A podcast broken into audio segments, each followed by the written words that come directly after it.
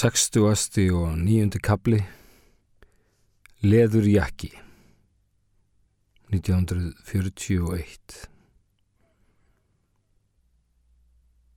Ég var enn hálf ringluð eftir slagsmálin og hafði ekki erði í mér til að fylgja hópnum heldur stóð litla stundi við rústum bíkubáls.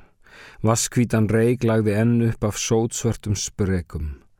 Næri eldstæðinu stegi á eitthvað annað en tóman sand. Ég beigði mig og gróf upp jakka flugmannsins. Hann var úr leðri með þykku fóðri og því nokkuð þungur sögum sjóbleitunar. Samt sem áður hafði ég hann með mér upp á strandinni á eftir hópnum sem þrætti ljósa sandhóla, krýnda melgresi áleiðis inn til þorpsins. Bæjarljósinn byrtust í gegnum skuggastráin kvöldgular týrur í gluggum og dagkvítar perur á skökkum og beinum staurum. Á milli tréstaurana láguð gúm þykkar línur sem líkt á báru ljósið á milli þeirra í möttum glampa.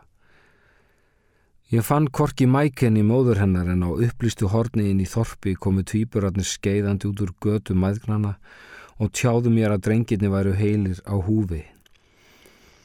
Ég andaði léttar en aðtikli sistrana beindist að jakkanum sem ég hjælt á. Þar vildu Olmar vita hvort eitthvað væri í honum. Í innri vasa lindist saltblöytt skráningarskýrtinni með mynd af enska prinsinum. Ó, hann er svo myndalegur. Stundu er eins og gelgjur allra alda. Í hlýðarvasa fundu við sukulæði plötu í röku brífi. Ég gaf þeim bita og fekk mér sjálf. Bragðið var beist, líkt á sterku suðu sukulæði. En, en hvað varðum önnu? spurði ég og slökti þar með á týstandi andlitum týpurana. Í því byli heyrðust drönur af himni og við litum til lofts. Fjórar enskar sprengjuvilar fóru yfir bæin frá austri til vesturs og hurfu síðan á haf út. Við örðum ögn skömmustulegar þar sem við stóðum með jakkan í höndunum og sætindi óvinnarens í munni Ég stakk skýrtininu aftur í innri vasan en sukulaðinu á mig og bað síðan sýsturnar að geima jakkan. Ég vildi ekki bera hann inn í hús frú Bám. Þær tóku við leðurjakkanum og sögðu enska dátan hjá fröken Ósinga að myndi gista hjá henni í nótt. Síðan endur tóku þær stinjandi hver fallegur og myndalegur og stæðilegur hann væri en byttu svo í vör og skutu augum út á vestur heiminin og eftir flugvela drönum sem dóu hægt út. Sjötugasti kapli Merking 1941 Ég lætist inn í gardin fram með húsvegnum og bjóst til að klifra upp í gluggan á herberginu okkar þegar ég heyrði skringileg hljóð út um þann við hliðina. Það var baðherbergis glugginn. Á bakvið fölgræna gardínu logaði döft ljós og að innan heyrðist frúin stinja þungan. Var hún veik? Eftir því sem stunurnar ágerðust var mér þó ljóst að þær voru ættaðar úr sæluríkinu. Ég glattist fyrir hennar hönd og bröldi upp í herbergiskluggan, skreittist innum hann og klöngraðist niður í rúmið. Hækil á á kottanum með sængina upp að högu Hún þóttist sofa en það sást vel í stjörnubjörtu myrkrinu og þar lág barn sem reyndi að loka augunum fyrir heimsfylli af svartnætti. Ég stóð um stund og starði á hana, beigð uns hún gafst upp og opnaði augun. Svikari. Viltu sukulæði? spurði ég og rétti fram hálfvétna plötuna. Sukulæði? Já, við fengum sukulæði á bálinu. Nei, ég er búin að busta. Heyrðu, þegar maðurinn er nakin þá er hann... Ha? Kóði hæki. Nei bara, þegar maðurinn er nakin þá, þá er hann bara maður. Ha? Þá er hann hvorki þjóðverinn ég englendingur. Það er sko ef hann talar ekki, ef hann þegi bara. Um hvert að tala? Bara, þá er ekkert að vita hvort á að drepa hann. Sjáðu sagði ég og bretti peysu og skýrtu ermina langt upp á handlegin og rétti fram á sænkennar. Ber handlegur, blóð og bein, þú veist ekki hvort hann er íslenskuður, danskuður eða frísneskuður eða þýskur. Hún virti handlegin fyrir sér þögul. Þú getur ekkit vita hverjar þjóðar hann er, ítrekkaði ég. Skyndilega skaut hún höndum undan sænginni, greip um beran handleikin, tegði sér eftir skærum í körfu á náttborðinu, reisti sér í rúminu, tók með mig valdi og hjælt mér af offorsi og styrk sem komum mér svo á úvart að ég kom engum vörnum við. Á örfáum andartökum náði hún að sarga með skæra otti heilan hakakross í húðina rétt ofan olbúa og slefti mér svo. Það vætlaði blóð úr einum krossarminum. Ég gretti mig af sársauka og þauð fram á baðherbyrgi. Eða svo hugðist ég gera, en hurðin var auðvitað læst. Handan hennar fór frúin með hvern hljóðum. Ég heikaði við og hlíti á hana klífa frigðar stigan. Í efsta þrepi hans heyrðist rusk í stól eða borði ef ekki þvottagrind og síðan fylgdi þungt andvarp. Þá þögn.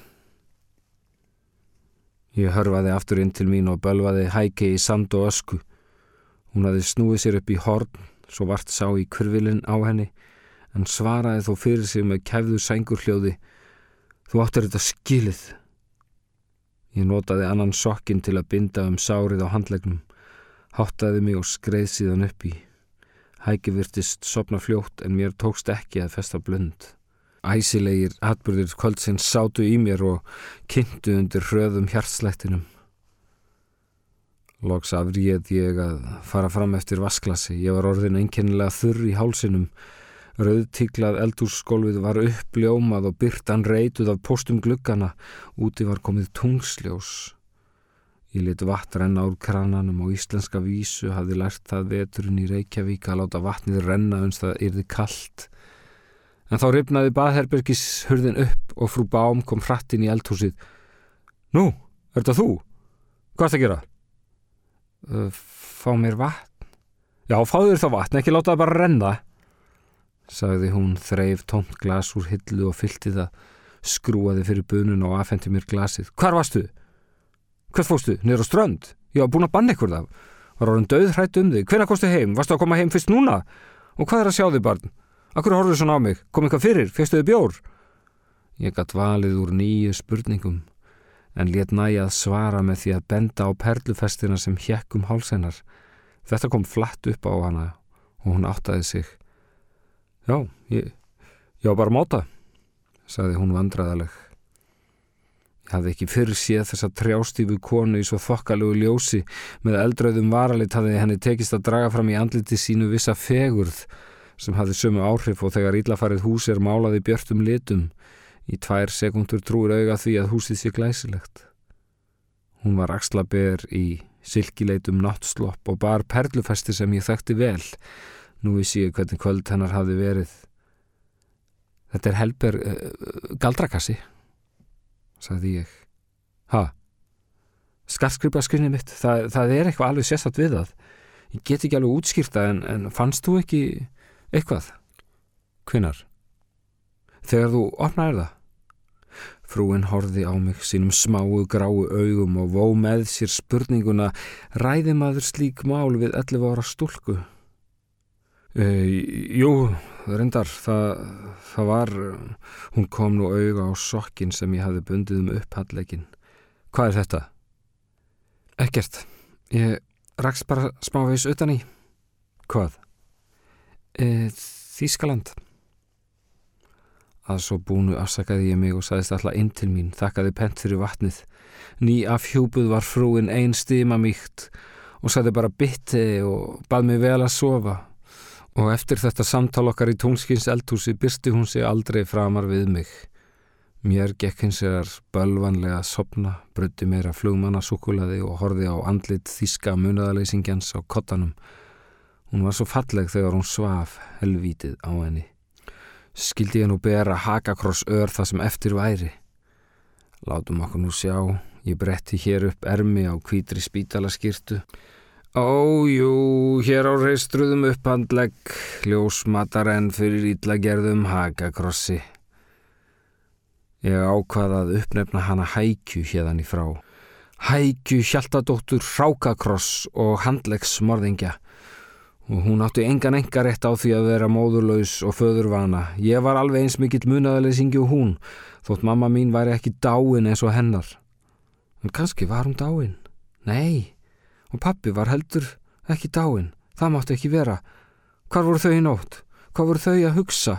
Voru þau líka andvaka eins og ég? Nú get ég aldrei verið aftur í stutterma blússu nema þá með pappa. Hann verður gladur að sjá dóttur sína brennimert af hugssjóninni. Æ, akkur þurfti pappa að vera hermaður. Akkur gæti hann ekki tekið marka á mömmu sem var gáast af manneska sem hafi lifað á jörðinni. Vissi hann það kannski ekki? Elsku mamma mín. Nú sefur þú að hörðum betta í læknishúsi í Lýbekk og dreymir vor við breyðafjörð. Æ, það sem Ástin hafi gert þér, hún hafi rifið þig upp með rótum og hólaði þér niður hér og þar. Kanski varstu ekki alveg gáast af manneskjan sem lifað hafði á jörðinni. Jú, þú varst það. Gáfur hafa ekkert með Ást að gera og hún ekki neitt með gáfur. Þegar Ástinni kemur, eru við öll jafn heimsk. Sjötuasti og fyrsti kabli Nótt í Nordorf 1941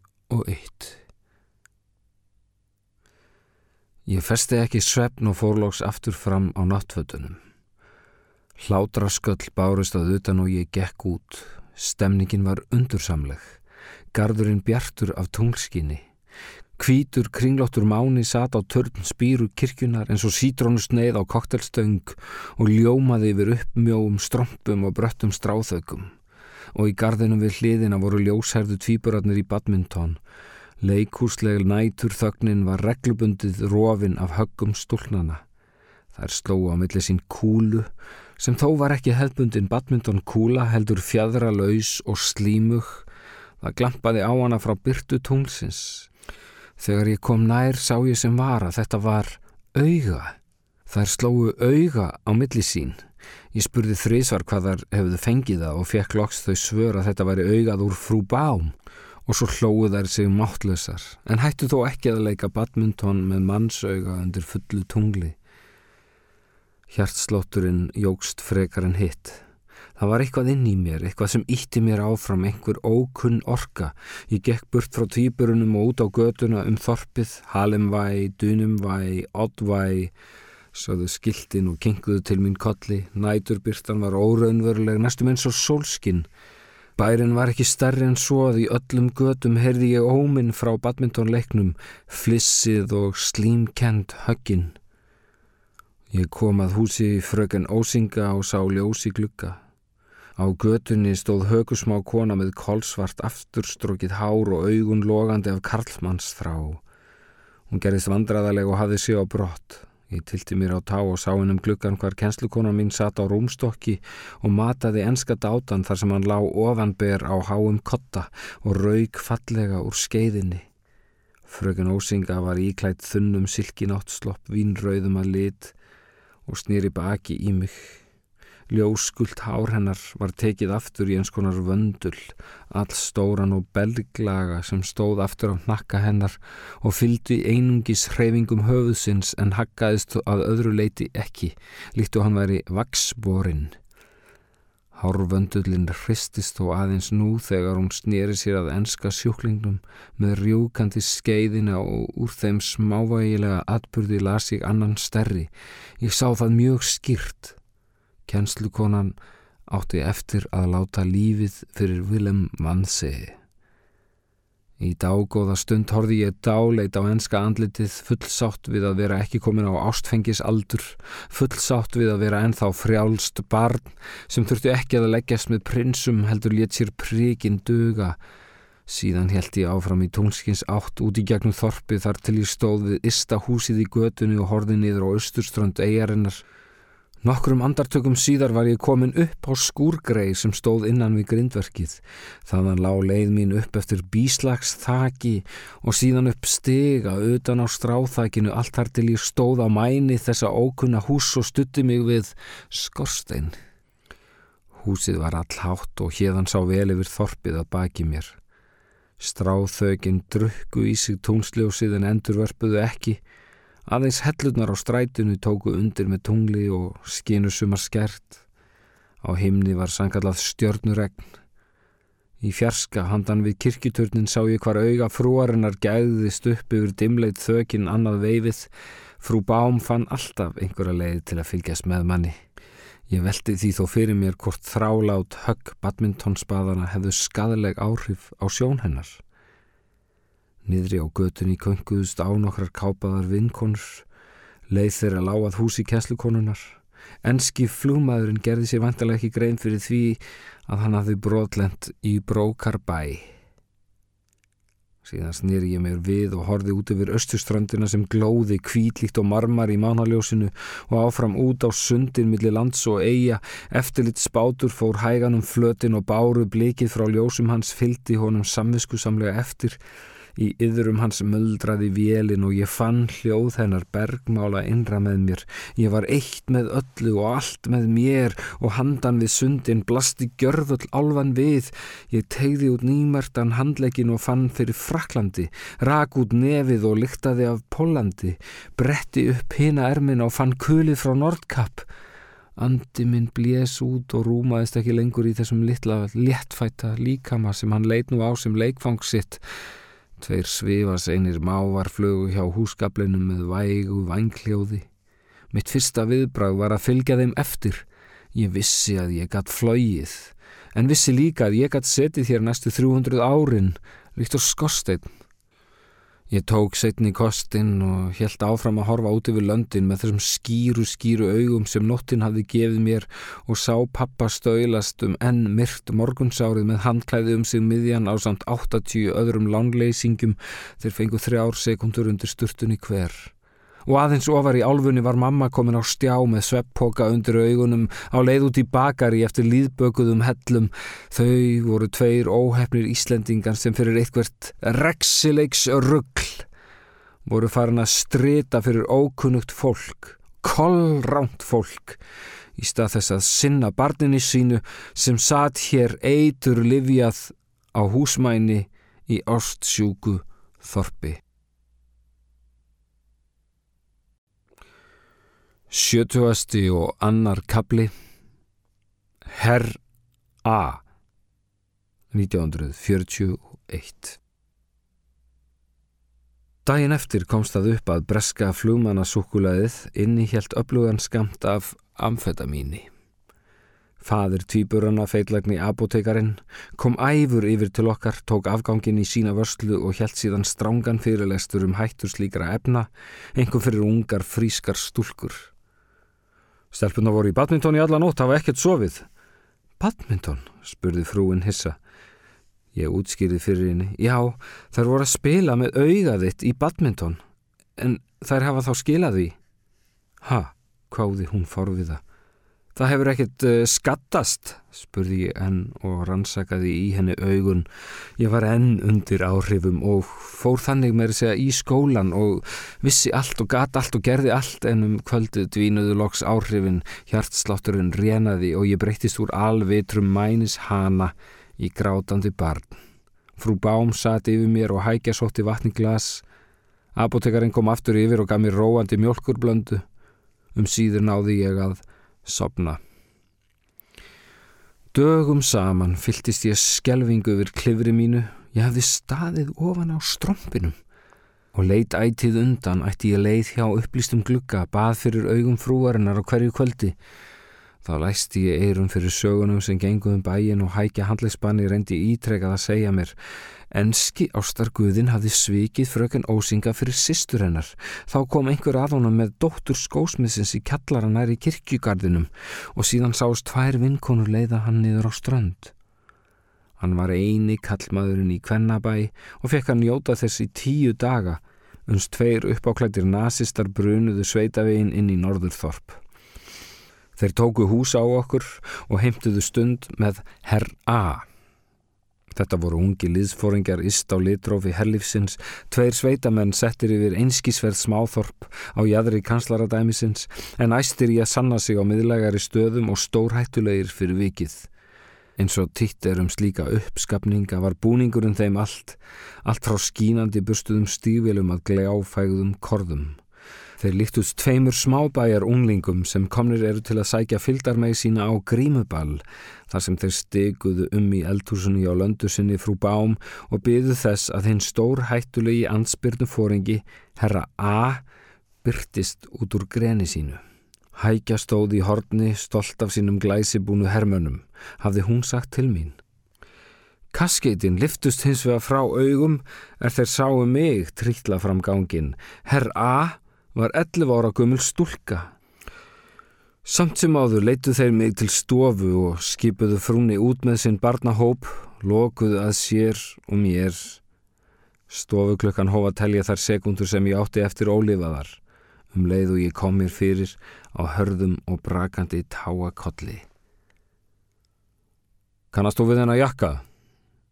Uh, já. Hvað fyrst hann?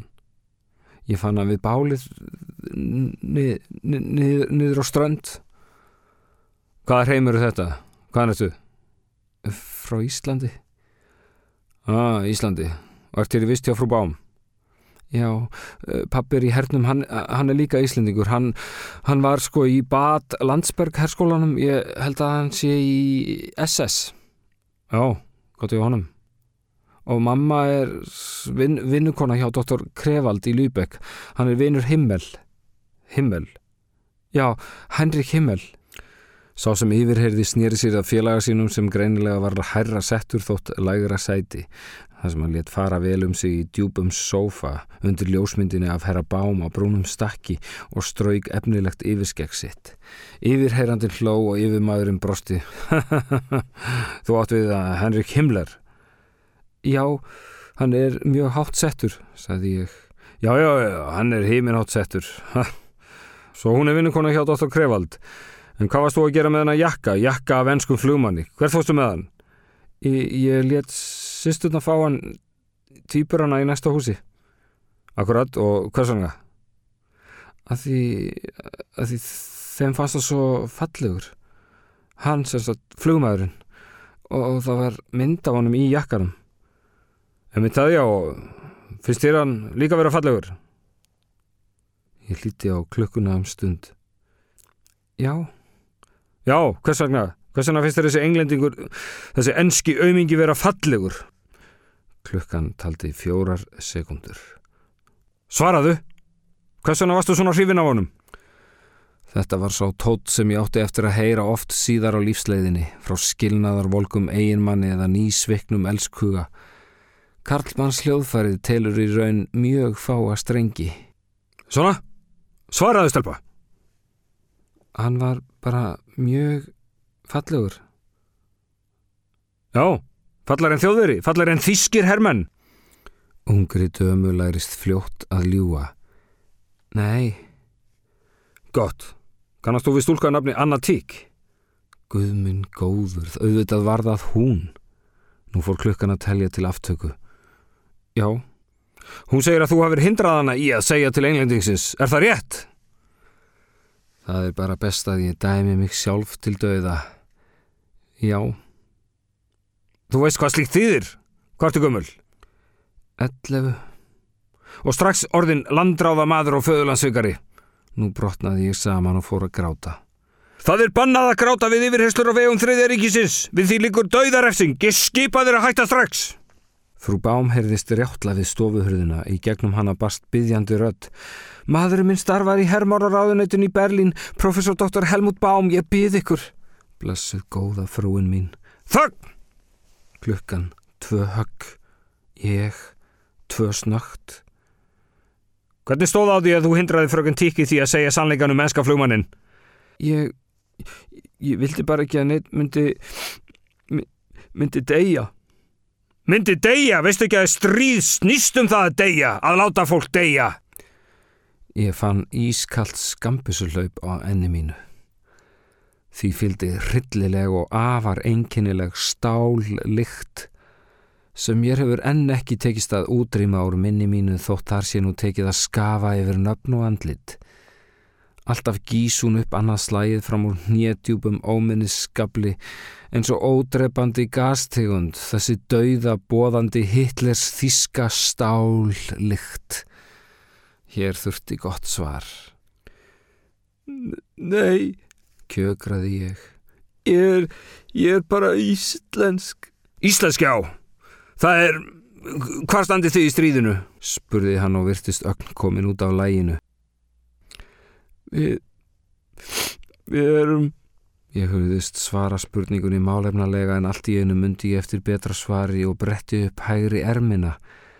Alla leiðu fyrir olbúa, leisti plástur frá sári og síndi þeim af leikrænu stolti skæra skorinn hakakross. Emi það já. Gott. En hvað ertu með plástur? Það þarf engan plástur á hakakross. Að því það kom sko smávís blóð. Blóð? En blóð skal flæða.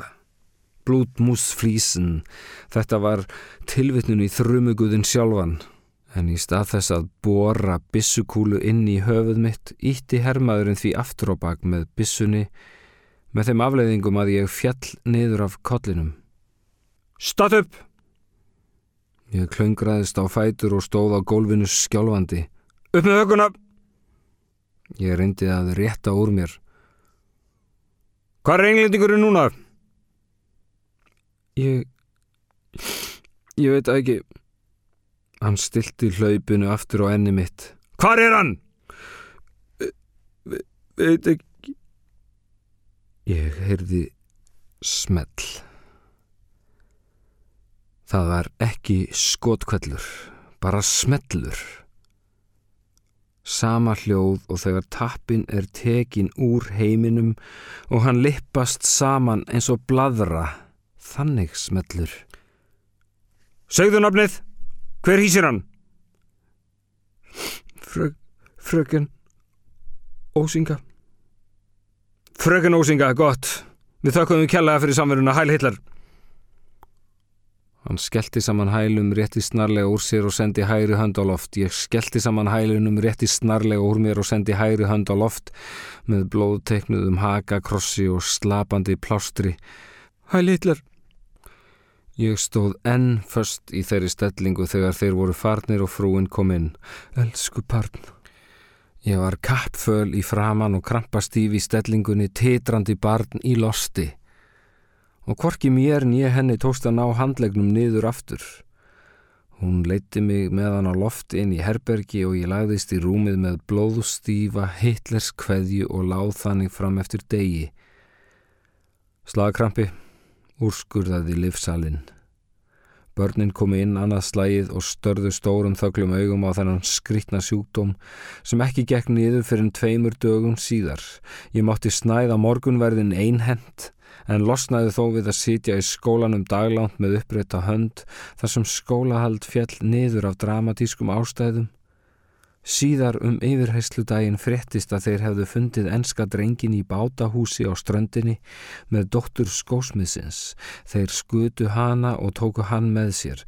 Tvíburarnir voru einnig teknir en var skilað aftur með enn stærri brjóstakrippu en áður og um kvöldið fannst fröken Ósinga í bakgarði sínum marmara stíf í podli eigin blóðs.